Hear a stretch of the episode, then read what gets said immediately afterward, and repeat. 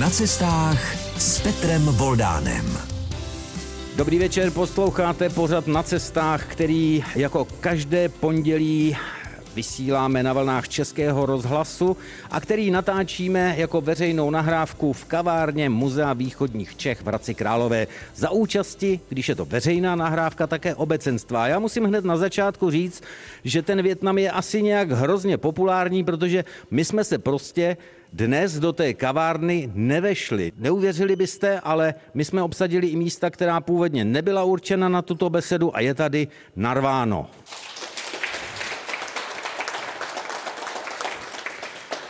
To je jenom jako potvrzení mých slov. Je tady lidí opravdu spousta a já myslím, že Větnam si to zaslouží. Vy možná znáte naše větnamské spoluobčany, hlavně jako prodavače v těch večerkách, kde dokáží obsloužit své zákazníky. I v pozdních večerních hodinách hledáme tam záchranu, když dojde chleba, mléko nebo když přijde návštěva a nemáme nic doma, anebo o víkendech, anebo také o svátcích. Ale odkud jsou, z jaké jsou země, jaká je za nimi kultura. Tak se dneska na to podíváme v pořadu na cestách na vlnách Českého rozhlasu trochu podrobněji.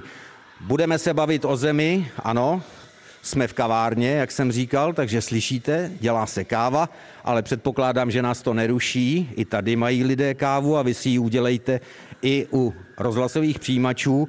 Nebudete úplně mimo, protože o kávě se budeme bavit taky. Možná netušíte, že káva je plodina, ve které je Větnam druhý na světě, pokud jde o množství produkce kávy. My se dnes budeme bavit o zemi, která je čtyřikrát větší než Česká republika. Ze tří čtvrtin jde o hory, jinak je to docela daleko, letadlem zhruba 14,5 hodiny.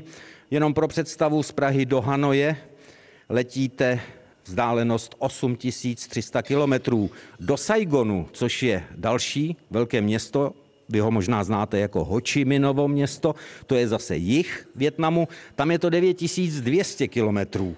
Takže je to docela vzdálená země.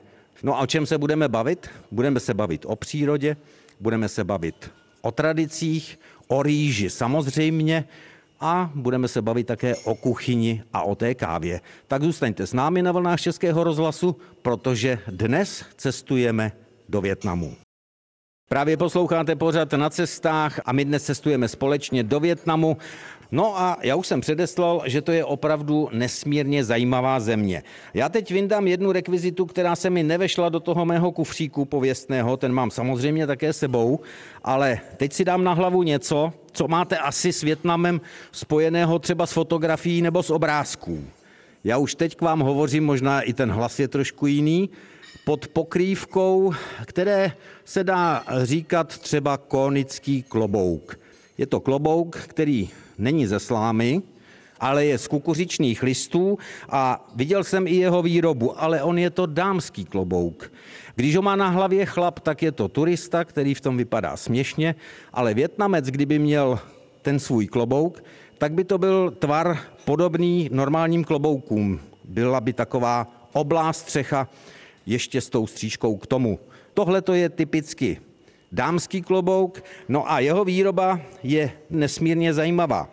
Na tu kostru, kterou vidíte ze spoda, vy, kteří jste tady v kavárně Muzea východních Čech, tak na tu se potom nalepují ty kukuřičné listy. Ale ta kostra to není nic jednoduchého. To je štípaný bambus a těch okruhů, co tam jsou, jak se zmenšují, těch musí být 16, protože 16 je magické číslo.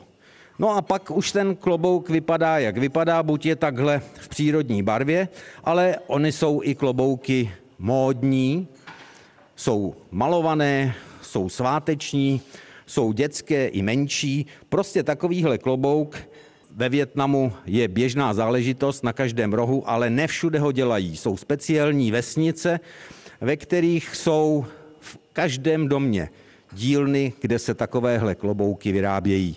Já jsem to také zkoušel jenom ve fázi, kdy se ty listy kukuřičné na kraji klobouku ostřihávají, aby ten klobouk vypadal dobře, ale když nůžky v mých rukou viděla ta žena, která ty klobouky normálně tam dělá, viděl jsem tu hrůzu v jejich očích, tak jsem radši nůžky vrátil, protože celý ten klobouk by byl znehodnocený. Není to vůbec jednoduché, jak to na první pohled vypadá. Takže to jsme si přiblížili vlastně jeden takový viditelný atribut, který si s tím Větnamem spojujeme. Ale co si budeme povídat? Co máme hlavně spojeného s Větnamem, to je plodina, kterou tady mám také. Vám u přijímačů přiblížím jednoduše. Je to klas, na kterém jsou zrněčka. Trošku je to podobné tomu, jako když vezmete klas třeba ovsa, jiné obilí se tomu tolik nepodobá, a takhle vypadá naturální rýže. Rýže to je fenomén, který prostě do Větnamu tak jako do většiny azijských zemí patří. Ve Větnamu má dvě zajímavé zvláštnosti. Rýže se pěstuje buď v nížinách, kde se ta rýžová políčka zaplavují a v té vodě, v těch jezírkách mezi těmi rýžovými vrstvami se zároveň chovají ryby. To je jedna možnost, jak můžete vidět, pěstovat rýži ve Větnamu. A pak je druhá a ta je mnohem hezčí. Měl jsem tu šanci vidět v horách pěstování rýže na typických kaskádovitých terasách, kde voda sice také mezi těmi terasami je, ale musí se dostat nejdřív nahoru na kopec a pak se soustavou různých propojení pouští do těch rých, do těch kaskád a vlastně zásobuje tu rýži. Takže jsou dva druhy rýže. Vzhledem k tomu, že Větnam je taková protáhlá země podél mořského pobřeží a má různá podnební pásma, různé podnební podmínky, tak můžete narazit na místa, kde se rýže pěstuje takže je jedna sklizeň, ale pak jsou místa, kde je i 4, 5 až 8 sklizní rýže za rok, protože tak rychle ta rýže to stihne. Rýže to je plodina, se kterou se setkáte samozřejmě nejenom tak, jak se pěstuje, ale najdete ji i v kuchyni, logicky. No a když už jsem připomínal, jak je na tom Větnam s pěstováním kávy a s vývozem v té konkurenci celého světa, tak u rýže je to čtvrté místo, pokud jde o produkci a pokud jde o množství vyvezené rýže, tak Větnam vyváží tolik rýže, že je druhý na světě. A budete se divit, Větnamci dovážejí rýži dokonce do Číny, protože v Číně sice vypěstují rýže mraky, ale Číňanů je moc a tak jim nestačí. No a teďka, co z té rýže? Trošku se dostáváme do kuchyně, takže vyndám z toho svého kufříku další rekvizitu, kterou vám u rozhlasových přijímačů pořadu na cestách, který právě posloucháte na vlnách Českého rozhlasu, musím popsat, ostatní to tu vidí. Já mám v ruce takový průhledný terčík, který vypadá trošku jako igelit. To je rýžový papír. A rýžový papír je základní surovina pro rolky, pro jarní rolky, ať už zeleninové nebo masové, což je další kulinářská specialita právě z Větnamu. No a ten rýžový papír, vy, kteří si ho kupujete třeba v různých prodejnách azijské kuchyně u nás, tak dostáváte do ruky rýžový papír, který vzniká průmyslově. Já jsem měl tu šanci vidět ruční výrobu rýžového papíru. No a kdybych to měl popsat, tak se vraťte do časů svých babiček a vraťte se k pánvičkám, vraťte se k tomu, když se dělali palačinky nebo placky, Budete mít rýžové těsto ale, velmi řídké, to rozlijete na něco, co vypadá jako plátenko, ne jako pánvička. Počkáte, až to trošinku stuhne a pak ho podeberete dlouhým klacíkem, zvednete a položíte na rám bambusový, který vypadá trochu jako zástěna nebo jako paraván. Tam naskládáte ty útvary, ono to vždycky není přesný kruh, proto říkám, že tohle to je průmyslová výroba toho rýžového papíru. No a když máte ten rám velikosti metr krát dva zhruba plný, tak vemete další rám a další rám. A co s těmi rámy? Ve vesnici, kde jsem viděl ruční výrobu rýžového papíru, tak to dělají tak, že je naskládají na sebe, nandají na vozík, za který zapřáhnou motorku a jedou za vesnici. A co tam udělají s těmi rámy? Rámy rozprostřou po trávě a nechají sluníčko působit, aby rýžový papír uschnul. Nemusím připomínat, že jsme v přírodě, že tam běhají i potulní psy a tak dále. Některé ty rámy bývají opřené i v uličkách té vesnice o plot. Nikdy nikomu nic nebylo. Dovedu si představit, že hygienici naši, kteří teď poslouchají pořad na cestách na vlnách Českého rozhlasu, tak trochu obracejí oči v sloup, ale myslím si, že když na tom nijak nestrádají Větnamci, my jsme také nestrádali, ale k nám se dostává hlavně ten rýžový papír průmyslový, tam je to ohlídané. Tak to je jenom kolorit větnamského venkova a výroba rýžového papíru. Český rozhlas vysílá na svých vlnách pořad na cestách a my jsme dnes společně s účastníky veřejné nahrávky v kavárně Muzea východních Čech, tak jsme společně ve Větnamu. Už jsme lecos připomněli o této vzdálené zemi, ale pojďme dál. Já sahnu znovu do cestovatelského kufříku a přiblížím vám zase věcičku, lépe řečeno potravinu, kterou dobře znáte. Ona je maličká, je to takové zahnuté, trošku jako ledvinka a je to oříšek kešu. Kdo nejvíc pěstuje na světě těchto oříšků, tak to je Větnam. A je to zajímavá plodina, protože to kešu roste na kešu ovníku, což je jinak ledvinovník západní. Proto ten tvar a vy ty oříšky znáte, ale on ten plod toho oříškovníku, toho kešu ovníku, je zajímavý, protože on se skládá z ovoce a pod ním visí takzvaná naška. V té je ukryt ten oříšek. Naška to je suchý, nepukavý plot. Je to něco, co znáte velice dobře, protože všichni jste někdy viděli pampelišku.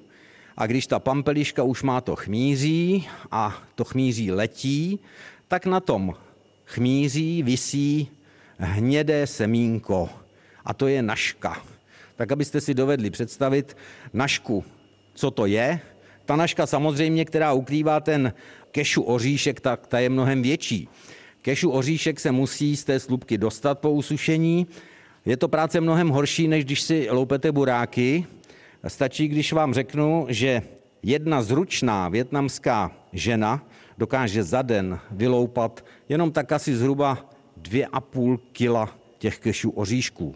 Není to vůbec jednoduché, takže jestli se vám zdá, že jsou ty kešu oříšky docela drahé, tak si uvědomte, jakou to dá práci, že na tom plodu je vždycky jenom jeden ten oříšek, No a pak máte tu vzdálenost, odkud se to k nám musí dostat, takže kešu oříšek je prostě zajímavá plodina, zajímavý oříšek, ale musí také něco stát. Pojďme dál, jsme ve Větnamu. Teď mám v ruce bagetu. No a vy tu bagetu máte spojenou samozřejmě s Francií. Bagetu koupíte ve Větnamu tak jako rýži skoro na každém kroku, protože francouzské stopy ve Větnamu jsou stopy nesmazatelné, trvalé a narazíte na ně opravdu na každém kroku. Je to ještě z dob, kdy francouzi byli ve Větnamu, působili tam a nechali tam nejenom po sobě tu bagetu, nebo ještě něco. Oni tam nechali i architekturu, a teď bych poprosil tady paní kavárnici, jestli by mi půjčila jednu makronku, nejlépe nějakou barevnou, protože ta francouzská architektura se vyznačuje zvláštními barvami a mně ty domky připadaly jako ty francouzské makronky. Ono to opravdu, ty fasády byly buď žluté, nebo takovéhle šmoulovatě modré. Prostě, když narazíte ve Větnamu v některých částech je toho víc, třeba ve střední části Větnamu, na architekturu, která vám připomíná Evropu a má to takové pastelové barvy, jako třeba tyhle ty makronky, tak jste správně. To jsou francouzské stopy. Třeba takový pasterův ústav, samozřejmě podle francouzského vědce, tak ten je do žluta, ne takhle do modra. No a francouzi přinesli do Větnamu kromě architektury také železnici rozvíjeli a tak dále a tak dále. Dokonce je ve Větnamu most, který stavěl člověk, jehož jméno charakterizuje věž, nejznámější věž v Paříži. Eiffelovka. Stavitel Eiffel postavil samozřejmě kovový most také ve Větnamu. I když se tvrdí, že je úplně jinde, než kde je, ten most je typický pro Eiffela. Já říkám Eiffel, někdo říká Eiffel, říkáme Eiffelovka jsme zvyklí, ale správně je Eiffel. Takže i to je francouzská stopa, na kterou narazíte právě ve Větnamu. Takže až pojedete do Větnamu, budete se na několika místech cítit dokonce jako ve Francii. A k tomu si můžete dát třeba i větnamskou kávu. My si tu větnamskou kávu teď připravíme. Já jsem tady dámám v kavárně Muzea východních Čech dal takový tuňk, který se postaví na skleničku a v něm se připraví ta větnamská káva. Ale pojďme se podívat nejdřív do jedné zvláštní zóny, která je asi největší turistickou atrakcí v celém Větnamu. Musíme zhruba 110 kilometrů od Hanoje na mořské pobřeží do Tonkinského zálivu. Tam si sednout na loď a vydat se na plavbu za jedním ze sedmi nových přírodních divů světa. Když se tenhle ten seznam pro UNESCO sestavoval, tak zátoka Halong byla na listině kandidátů a ona se do toho seznamu dostala protože vy budete plout mezi třemi tisícovkami ostrůvků, které se před vámi vynořují v podstatě jak z pohádky. Najednou nic a je před vámi homole, vysoká, porostlá porostem zeleným a jsou to různé tvary, slon, kočka, opice, i tak jsou pomenované a vyplujete mezi a vlastně jste na místech, která vypadají nejenom pohádkově, ale která zaujala samozřejmě, když jsou tak nádherná, tak zaujala i filmaře. No a když si pustíte nebo uvidíte v repríze třeba film, který určitě dobře znáte, Zítřek nikdy neumírá, řeknu, a už souhlasně kýváte asi u přijímačů, jsme u Bondovky, píše se rok 1997 a Pierce Brosnan se prohání v letadle právě mezi těmi fantastickými ostrůvky v té zátoce Halong. Je to úžasný zážitek. Ty lodě si turisté pronajímají, pokud to jde, přes celou noc do druhého dne a přespávají na těch lodích, protože vidět západ a východ slunce v téhleté v podstatě pohádkové kulise, tam máte pocit, že jste opravdu v kulisách, protože jak eh, ty ostrůvky ubíhají dozadu, tak se noří do mlhy, máte neobyčejně plastický a panoramatický pohled, tak eh, proto tam turisté přespávají, aby zažili oba dva ty zvláštní úkazy, ty zázraky, jak západ slunce, tak východ slunce. Stojí to za to, je to nádhera. Zažil jsem to, i když bez toho přespání a je to opravdu lákadlo jako hrom. Trošku přitom člověk zapomene, že na pobřeží za ním zůstalo něco, co máme u nás také, třeba Mostecká uhelná řeknu, protože na pobřeží jsou největší povrchové uhelné doly v celém Větnamu. Větnam čerpá energii ze 40% právě z uhelných elektráren, takže tam už je to trošku jiný svět než ta nádherná příroda. A tam třeba vidíte i to, není tam až tak moderní technika, a tam, kde je, tak ale jsou tam také místa, kde se to uhlí sbírá ještě ručně do ošatek, protože prostě je ho tam spousta, techniky je málo, lidé jsou, tak i taková práce tam ještě funguje. Takže to je trošku odvrácená tvář tohohle toho fantastického turistického místa. Vy pravděpodobně, když tam pojedete s turistickou výpravou, tak tuhle tu oblast moc neuvidíte. Vy uvidíte spíš tu zátoku Halong, uvidíte tam i pojízdná plavidla, což jsou pojízdné prodejny ovoce a zeleniny, čehož je tam nepřeberně. Tak to jsme byli u fantastické přírodní zvláštnosti dračí zátoka, zátoka Halong. Nebudu tady popisovat celou tu pověst, proč se zátoka Halong jmenuje dračí zátoka. I náš pořad na cestách na vlnách Českého rozhlasu považuji za trochu inspirující, takže dnes máte dost možností, jak si tu dračí historii najít. No a už jsem dostal pokyn, že tady máme tu větnamskou kávu, takže já jenom rychle řeknu, jak nám vznikla.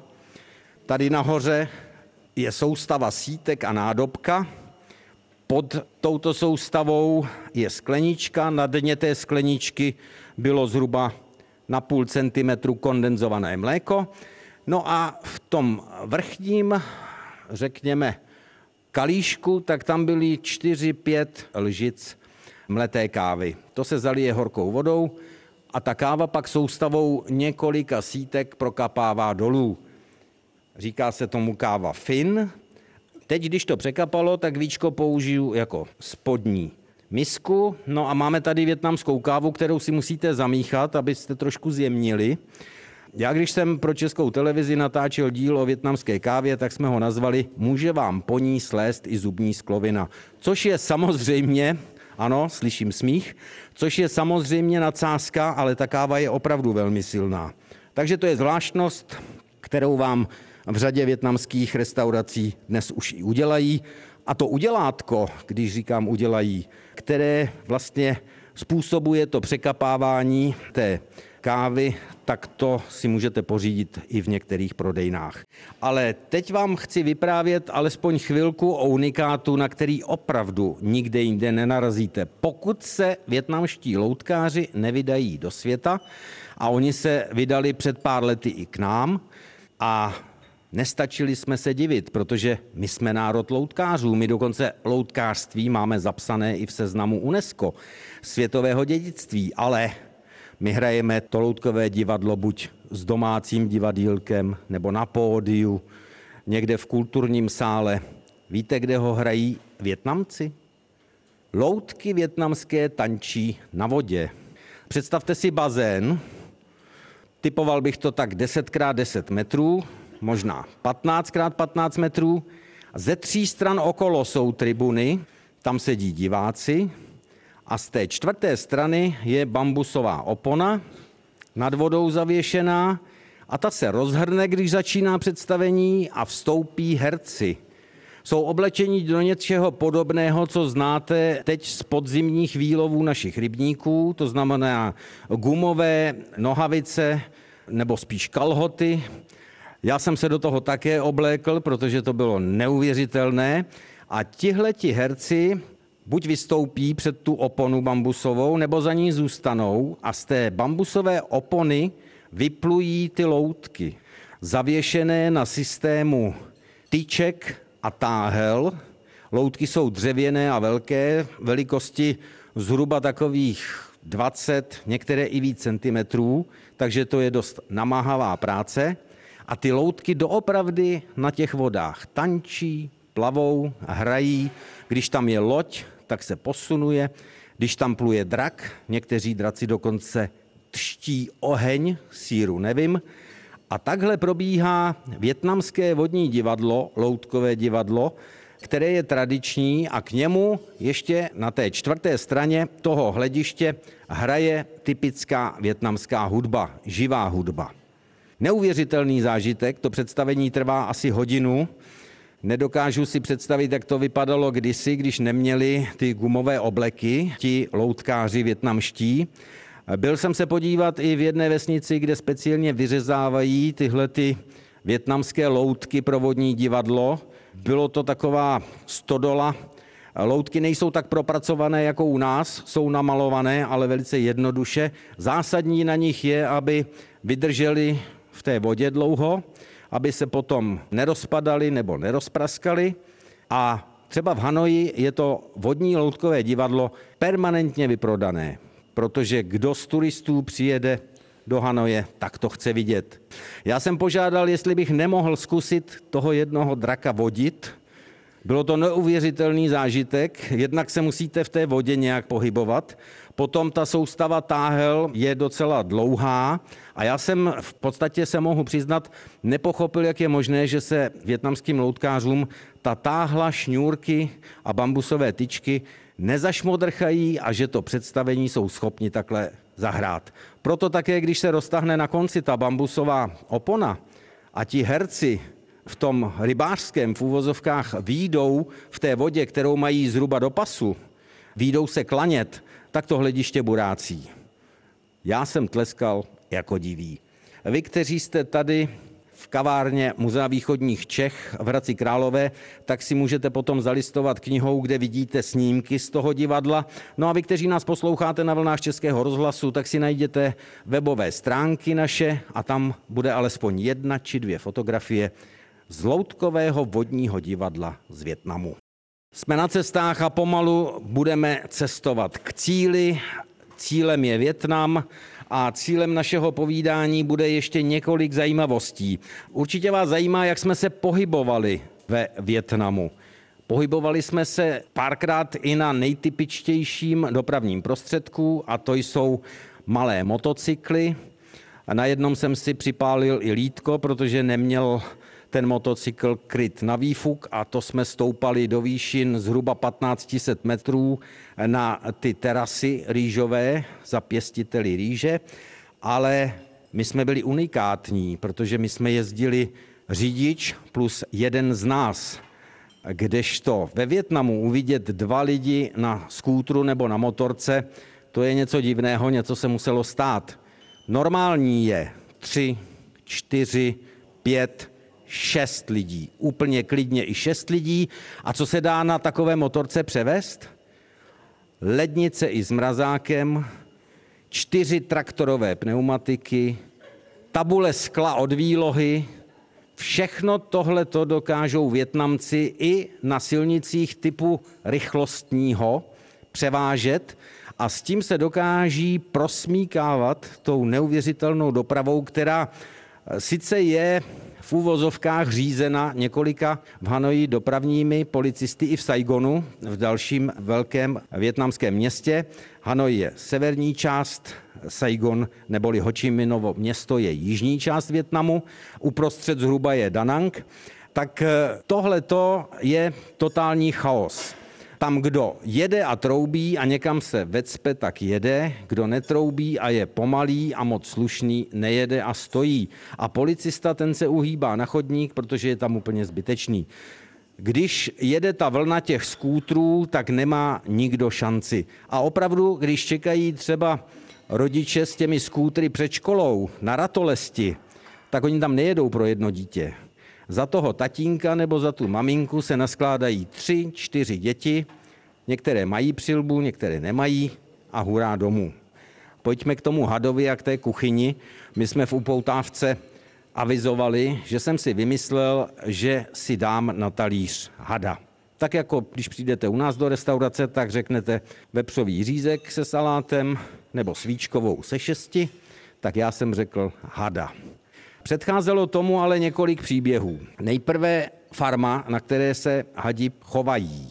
Chovají se jednotlivě v takových klíckách, Neplundruje se tedy pro ty specializované hadí restaurace, a ty jsou, tak se neplundruje příroda, ty hadi se takto chovají.